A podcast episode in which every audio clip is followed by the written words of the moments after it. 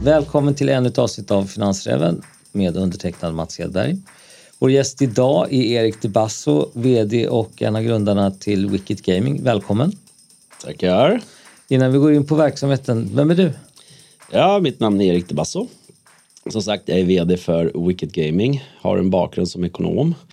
Eh, är faktiskt auktoriserad redovisningskonsult i botten och har jobbat med redovisning eh, under snart säkert 15-16 år. Eh, snubblade in i gamingbranschen för ja, kanske en 10 år sedan ungefär. Jag hade en jättestor kund som höll på med gaming i alla delar och de behövde hjälp och jag blev väldigt involverad i, i verksamheten och ja, blev mer och mer intresserad och så har man ju alltid varit intresserad av att spela spel själv. Så att eh, allting sammanföll på ett väldigt bra sätt kan man väl säga så att här står jag idag. Bolaget är ju listat, eh, eller bolagets aktie och eh, ni har bland annat ett spel, man är manager för cricketlag. Berätta. Ja, alltså cricket manager-spel har vi jobbat med i flera år. Alltså jag kom in för ungefär en tre år sedan då. Då, eh, då höll man på att utveckla själva plattformen. Och de har tidigt initierat liksom själva processen med att eh, ja, etablera då plattformen så att den fokuserar just på ett cricket managerspel då, då, för den är ju väldigt skalbar. Vi kan ju sätta idrott nummer två eller sport nummer tre och så vidare. Va? Och det ska ni ju göra va? Självklart kommer vi göra det.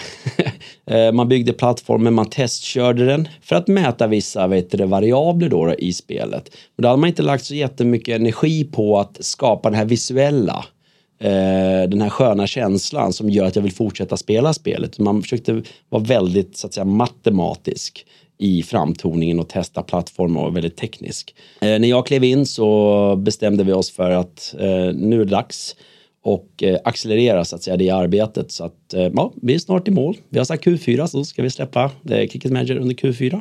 Cricket, varför cricket och finns det någon marknad för cricket? Vi menar på att vi är väldigt unika vad gäller då så att säga tanken kring ett cricket managerspel. Ett managerspel kan ju definieras på så många olika sätt. Eh, många tycker liksom att managerspel är det faktum att jag exempelvis skulle vara slagmannen då, då eller en batter då i till exempel ett cricketspel så utvecklar jag min egen eh, eh så att säga slagman Eh, och hela tiden presterar och eh, datorn kastar eller ja, eh, spelet kastar en boll eller botten och kastar en boll till mig och jag klipper till den och får ett poäng. Många kan ju tycka att det är ett managerspel. Vi menar på att det är inte ett managerspel eh, på det sättet som ett om man jämför till exempel med Fifa Manager, om man jämför med Top Eleven, de här stora inom fotboll. Va? Där handlar det väldigt mycket om ett djup i spelet. Jag ska träna mina spelare. Jag kan köpa och sälja mina spelare som jag har tränat upp. Jag har ett arenaområde, jag har en arena som jag kan uppgradera. Ju finare den är, desto bättre kommer mina spelare att prestera. Jag kommer ha ett eget sjukhus på mitt arenaområde. Ju mer den är uppgraderad, desto bättre sjukvård får mina skadade spelare. Och sen så bygger jag mitt lag. Jag kan köpa och sälja spelare. Därefter så bygger jag ett slagkraftigt lag som sen spelar då mot någon annan där ute. Vårt spel är mycket djupare. Därför ser inte vi att det finns någon tydlig konkurrent till den. Och det är just den här nörden, cricketnörden vi är ute efter i första hand. Och cricket är en stor sport. Vi i Sverige känner knappt till sporten. I Sverige ska jag inte säga att det är superstort, men om du tittar då på hela Commonwealth med Indien som säger draglok så är det ju världens näst största idrott med 2,5 miljarder så att säga, fans. Så fotbollen ligger runt 4,5. Sen kommer cricket på andra plats med 2,5 miljarder fans. Tittar man i Indien så är det liksom, det är ju det är den största idrotten. Eh, I England till exempel så är det många som inte tänker på att när cricket-VM går eller spelas en final eller när England spelar då sitter ju då gemene engelsman på en pub och dricker och hejar. Det är inte bara när man spelar fotbolls-VM. Så att eh, det finns inte bara i Indien, det är i Pakistan, det är Sri Lanka, det är Bangladesh, jag ska säga det är Nepal, det är Australien, Nya Zeeland, Sydafrika, UK då. då. Eh, och sen även då 30 miljoner människor faktiskt i USA som är cricket tokiga också. Så det finns ju över hela världen. Det, kan, det kanske finns någon här lyssnare här som funderar på varför landade du i cricket? Har du någon relation till cricket? Absolut inte, utan jag tyckte det var spännande. Men då så att du funderade på på kammaren? Nej, jag fick ju frågan och sen så började jag ju googla cricket och sen så tittade jag på en, eh, jag tittade på en Netflix-serie som heter Mumbai Indians. Bara för att förstå hur stort cricket är. Jag var ju, blev i chock, jag var i chocktillstånd alltså. Jag var i chocktillstånd efter att jag hade sett den där. Då får man ju följa då laget om Mumbai Indians och förstå hur stort cricket är. Det är ju, det är ju nästan till en religion alltså. Det är ju gigantiskt. Man har 80 000 på läktaren. Det har ju vi på Wembley liksom. Ja, men det där är ju, vi som inte har en relation till cricket, åtminstone jag tycker att det är en ganska obegriplig sport. Eh, det, det är svårt att förstå. Och långsamt går det och lång tid tar det. Eller har du fastnat? Ja, alltså, det finns ju olika modeller på eh, cricket. Det finns ju det de kallar för, jag tror att det är tre dagar eller fem dagars cricket. Va? Då, då kan de hålla på och spela säkert i en tre, fyra dagar. Sen har de det de kallar för eh, T20. Den har de snävat ner nu till så att den landar runt tre timmar. Det är inte så farligt. Men har man varit på en baseballmatch så vet man efter åtta timmar då är man ju liksom då är man ju helt slut va. My eh, mycket korv och öl blir det. Ja, eller hur? och pretzels. Nej men eh, så att eh, nu har man skalat ner till en modell eh, som heter då T20. Den är ungefär tre timmar lång. Så det börjar bli spännande helt plötsligt. Nu vet jag att man talar om en modell som heter T10. Då är det 90 minuter, då är det en fotbollsmatch helt plötsligt. Så att eh, cricket blir ju mer spännande. Sen vet jag att man har talat om att man ska ansöka Cricketförbundet, då, ICC, vill ju se till att det här blir en olympisk sport också. Så att eh, de har ju sådana ambitioner. Då måste man ju korta ner, så att säga, tiden då. Kan ju inte spela i tre, fyra dagar. Det blir lite svårt. Jag tror att när man hittar någonting och man tycker att det är spännande och fascinerande, då börjar man läsa om det. Jag har slukat indisk historia. Jag förstår varför cricket blev en del utav så att säga indiernas vardag. Det, det är ganska lätt att förstå om man läser eh, indisk historia. Oss de två meningarna som förklarar det. Ja, men Indien koloniserades eh, av engelsmän. Eh, de engelska soldaterna på den tiden kallades för rödrockar. Eh, och eh, de brukade alltid spela då cricket på sin fritid och runt där så tittade ju indier och tyckte att wow, fan det där verkar vara jävligt skoj va. Eh, så man anammar ju då eh, den, för det är en väldigt, väldigt billig idrott. Va? Det är inte som hockey som kostar multum, utan det är egentligen bara ett trä och en boll. Och sen kan jag bygga planen själv på en öppen yta. Så det är en billig idrott som kan attrahera även då fattiga länder då. Och fattiga människor. Det är som fotboll. Varför fotboll är så stort? Ja, men du behöver bara en boll. Så kan du slänga upp målen själv. Eh, och jag tror att på det sättet så tog man till sig den Eh, och det kom ju faktiskt med eh, då de engelska soldaterna som koloniserade då, vet du, Indien. Så att även efter då, alltså när de blev självständiga så har man ju behållit då eh, cricket. Och den har ju bara vuxit. Och hur ser konkurrenssituationen ut för cricket? Det beror på vad man menar med ett cricket managerspel. Det finns ju olika definitioner och olika nivåer på den. Men jag skulle nästan säga det att många av de spelen som finns där ute som kallar sig själva för Cricket eh, Manager, de är egentligen ett casual-spel. Kallar jag dem för. Och de är, det är för att de är mycket lättare, alltså de är mycket ytligare. Du får liksom ingen djup i spelet. Du bygger inte, du köper och säljer inte. Du eh, bygger inte ditt arenaområde. Va? Så det är flera parametrar här. Och hur ser intäktsmodellen ut för ett sånt här spel? Det är ett free to play-spel. Så det betyder att vi kan tjäna pengar på eh, primärt då på två sätt det man kallar för in-app purchases. Det vill säga det att ja, jag är inne i mitt spel, jag spelar spelet och sen tänker jag så här, ja men eh, jag vill uppgradera då till exempel mitt arenaområde, någon, någon byggnad, vi kan ta exempelvis arenan jag vill att den blir eh, lite bättre, lite större, lite snyggare. Och då kan jag ju då välja att trycka på knappen uppgradera och så säger jag så här, oj, det kommer ta två dagar innan den uppgraderingen är klar, men jag orkar inte vänta så länge. Då kan jag gå in till shoppen i spelet så köper jag då, då ja, den viktigaste valören i det här fallet då guld för riktiga pengar då, då. Eh, och sen kan jag snabba på den utvecklingen så den kan bli ögonblicklig då. Och det kallas för in-app purchase. Så det är ett exempel. Sen har vi då det vi kallar för rewarded in ads. Rewarded in ads, det är när du är, befinner dig i spelet, för det är ju gratis att spela, men jag har kanske inte ekonomi för att kunna gå och köpa då till exempel ett pack i shoppen. Då kan jag titta på reklamsnutt i 30 sekunder. Så får jag då en form av reward eller en belöning för att jag tittade i 30 sekunder och så får ju vi då vet du, x antal så att säga sänds för varje gång de trycker på en video. Då. Spelvärlden brukar delas upp i tre så att säga delar då. Man brukar kalla det för tier 1. Det är att betrakta som eh, i-länder. Vi har tier 2, jag brukar kalla det för nickländer. Och sen har vi tier i då, och det är det vi kallar för u-länder. Eh, här gäller att man ska kunna erbjuda människor i alla de här delarna att kunna få tillgodogöra sig favörer in i spelet. Det är därför man har då möjligheten att handla direkt med shoppen, oftast vanligt bland tier 1 och tier 2 länder. Och de som är väldigt frekventa på att titta på så att säga rewarded index, alltså, det är ju de fattigare länderna. Va? Men de trycker ju lite flitigare. Och då behöver de inte betala från egen ficka utan då får man ju pengarna så att säga från sidan då till oss och de får ju då till exempel då guld i det här fallet. Så att tanken ska kunna appellera till alla de här tre så att säga eh, grupperna. Då. Och det ska ni rulla ut när då? Q4 2021. Så vi är strax där. Och hur rullar man ut ett sånt här så att man får bett på det? För det måste ju vara en viss volym för att det ska kunna bli en affär. Ja, så är det ju alltid. Vissa saker kommer jag inte kunna berätta om vad vi tänker göra. Men vi har ju kontrakterat väldigt relevanta marknadsfirmor, alltså marknadsföringsbyråer då, då, för att hjälpa oss med det här.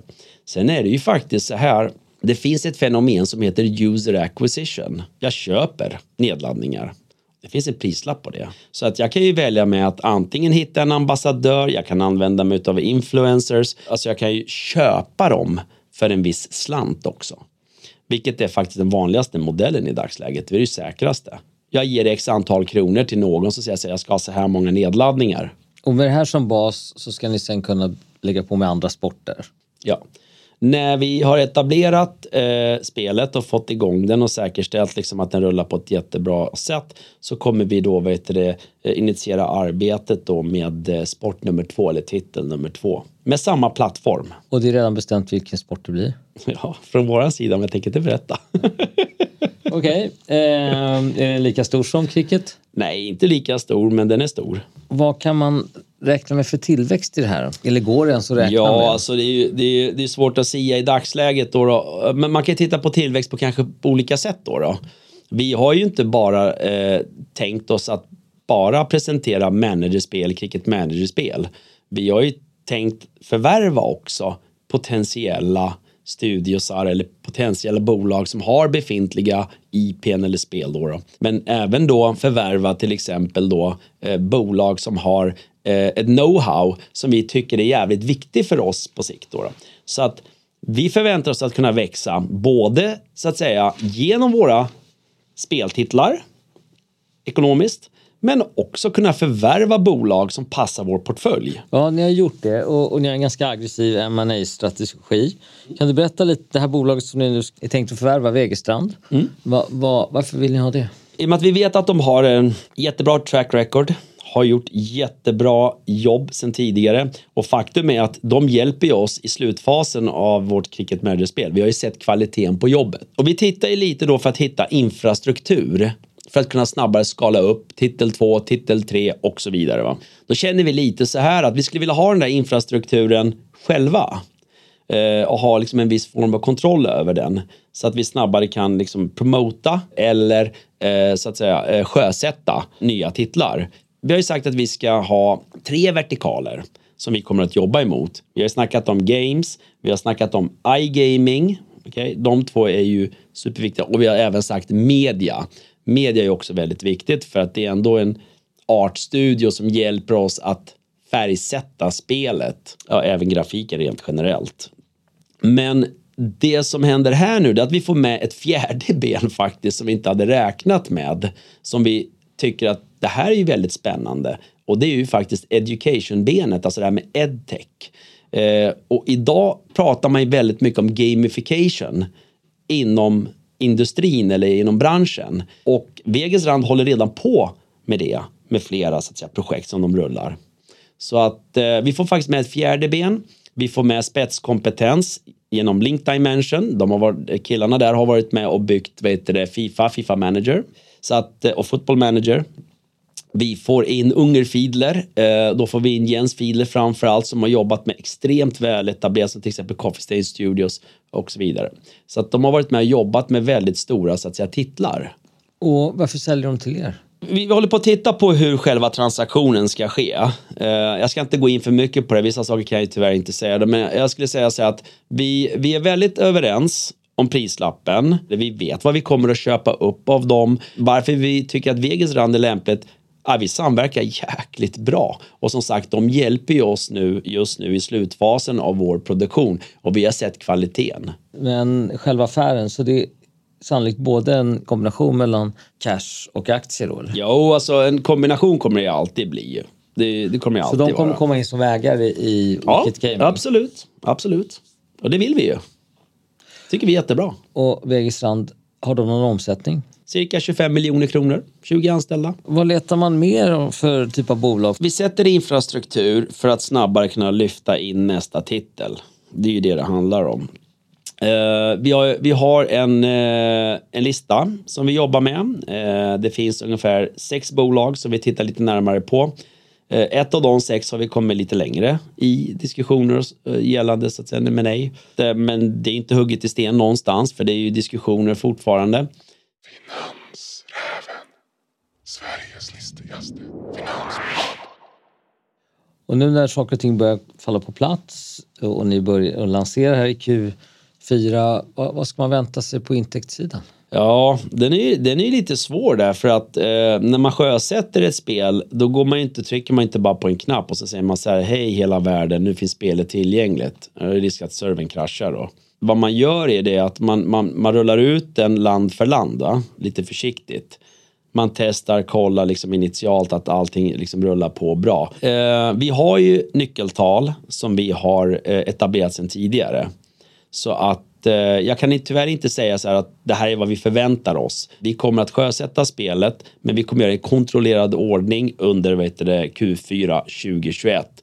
Direkt vi märker att alla tekniska bitar sitter, då kan vi trycka på knappen och gå väldigt hårt. Så att eh, intäkterna förväntas ju komma i princip dag ett. När folk går in i spelet, laddar ner spelet, eh, kanske handlar i shoppen, tittar på några vet du, det, rewarded in-ads. Så då tickar ju det liksom från dag ett. Vad ska man förvänta sig? Ska man förvänta sig att ni prioriterar tillväxt och kanske gör ytterligare kapitalanskaffningar eller ska man förvänta sig att ni strävar direkt efter att bli kassaflödespositiva? Ja, alltså den här är lite knepig då. Det beror ju på i vilket stadie vi befinner oss. Om vi ska förvärva ett bolag så kommer vi behöva hämta in pengar för det på ett eller annat sätt. Spelet som så märker vi nog inom, inom ett halvår hur pass lönsamt det kommer att bli. Så det är lite för tidigt att säga vart vi kommer att befinna oss då. Men vi vet ju ungefär vad vi behöver att nå för att då bli exempelvis kassaflödespositiva. Eh, så att eh, det är det vi drivs emot. För, det, för oss är det ju viktigt att bli kassaflödespositiva. Liksom. För det tycker vi är jättecentralt. Som sagt, siffrorna kan vi vänta lite med tills vi har släppt eh, spelet och kan börja liksom få in data väldigt fort och då kan vi bestämma oss för att ja, då och då kommer vi att nå de här milstolparna som är uppsatta. Men ja, vi har sagt ändå 2022, 10 miljoner nedladdningar ska vi ha i slutet av eh, 2022. Ni har också sagt att i slutet av 2022 så ska ni ha ett market cap på en miljard. Det är väl många bolag där ute som eh, har vuxit genom eh, förvärv.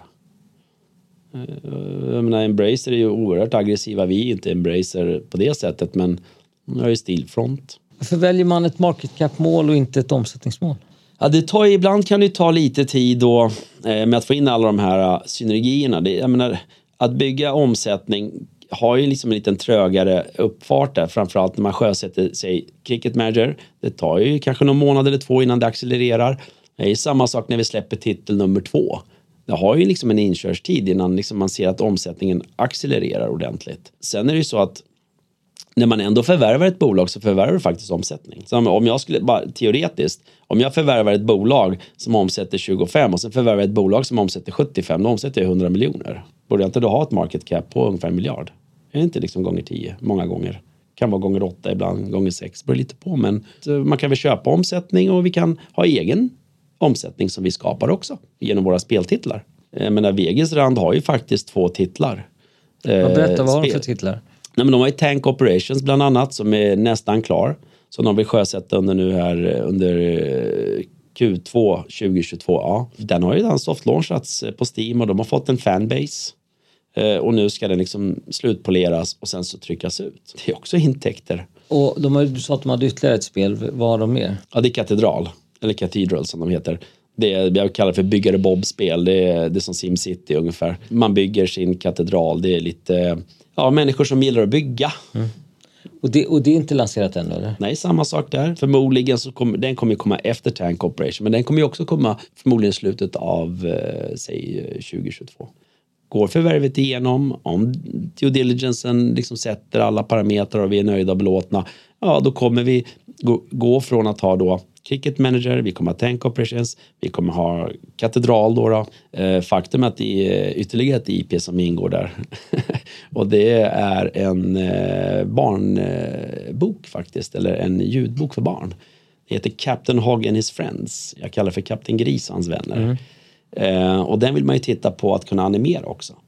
Spännande, så 2022 blir lite ett märkesår för er? Ja, så blir det ju. Befinner oss i Q4 2021 och vi laddar ju för fullt. Spännande Erik De Basso. Eh, vad skulle du vilja lägga till innan vi rundar av? Är det något? Nej, alltså vi har ju en tydlig målbild. Eh, jag brukar alltid säga så här att det kommer alltid finnas någon som tycker och tänker att vi kanske är för, för modiga. Det är lite osvenskt va. Vi ska vara helst lite mainstream i det här landet, men jag tycker faktiskt att vi kan vara modiga. Vi ger oss i kast med Indien som är kanske världens snabbast växande marknad. Jag tror inte att det finns utrymme för att få vara feg på den marknaden. Tack Erik, det var väldigt spännande ja. att höra om Wicket Game. Mm. Och eh, lycka till nu. Tackar, tackar.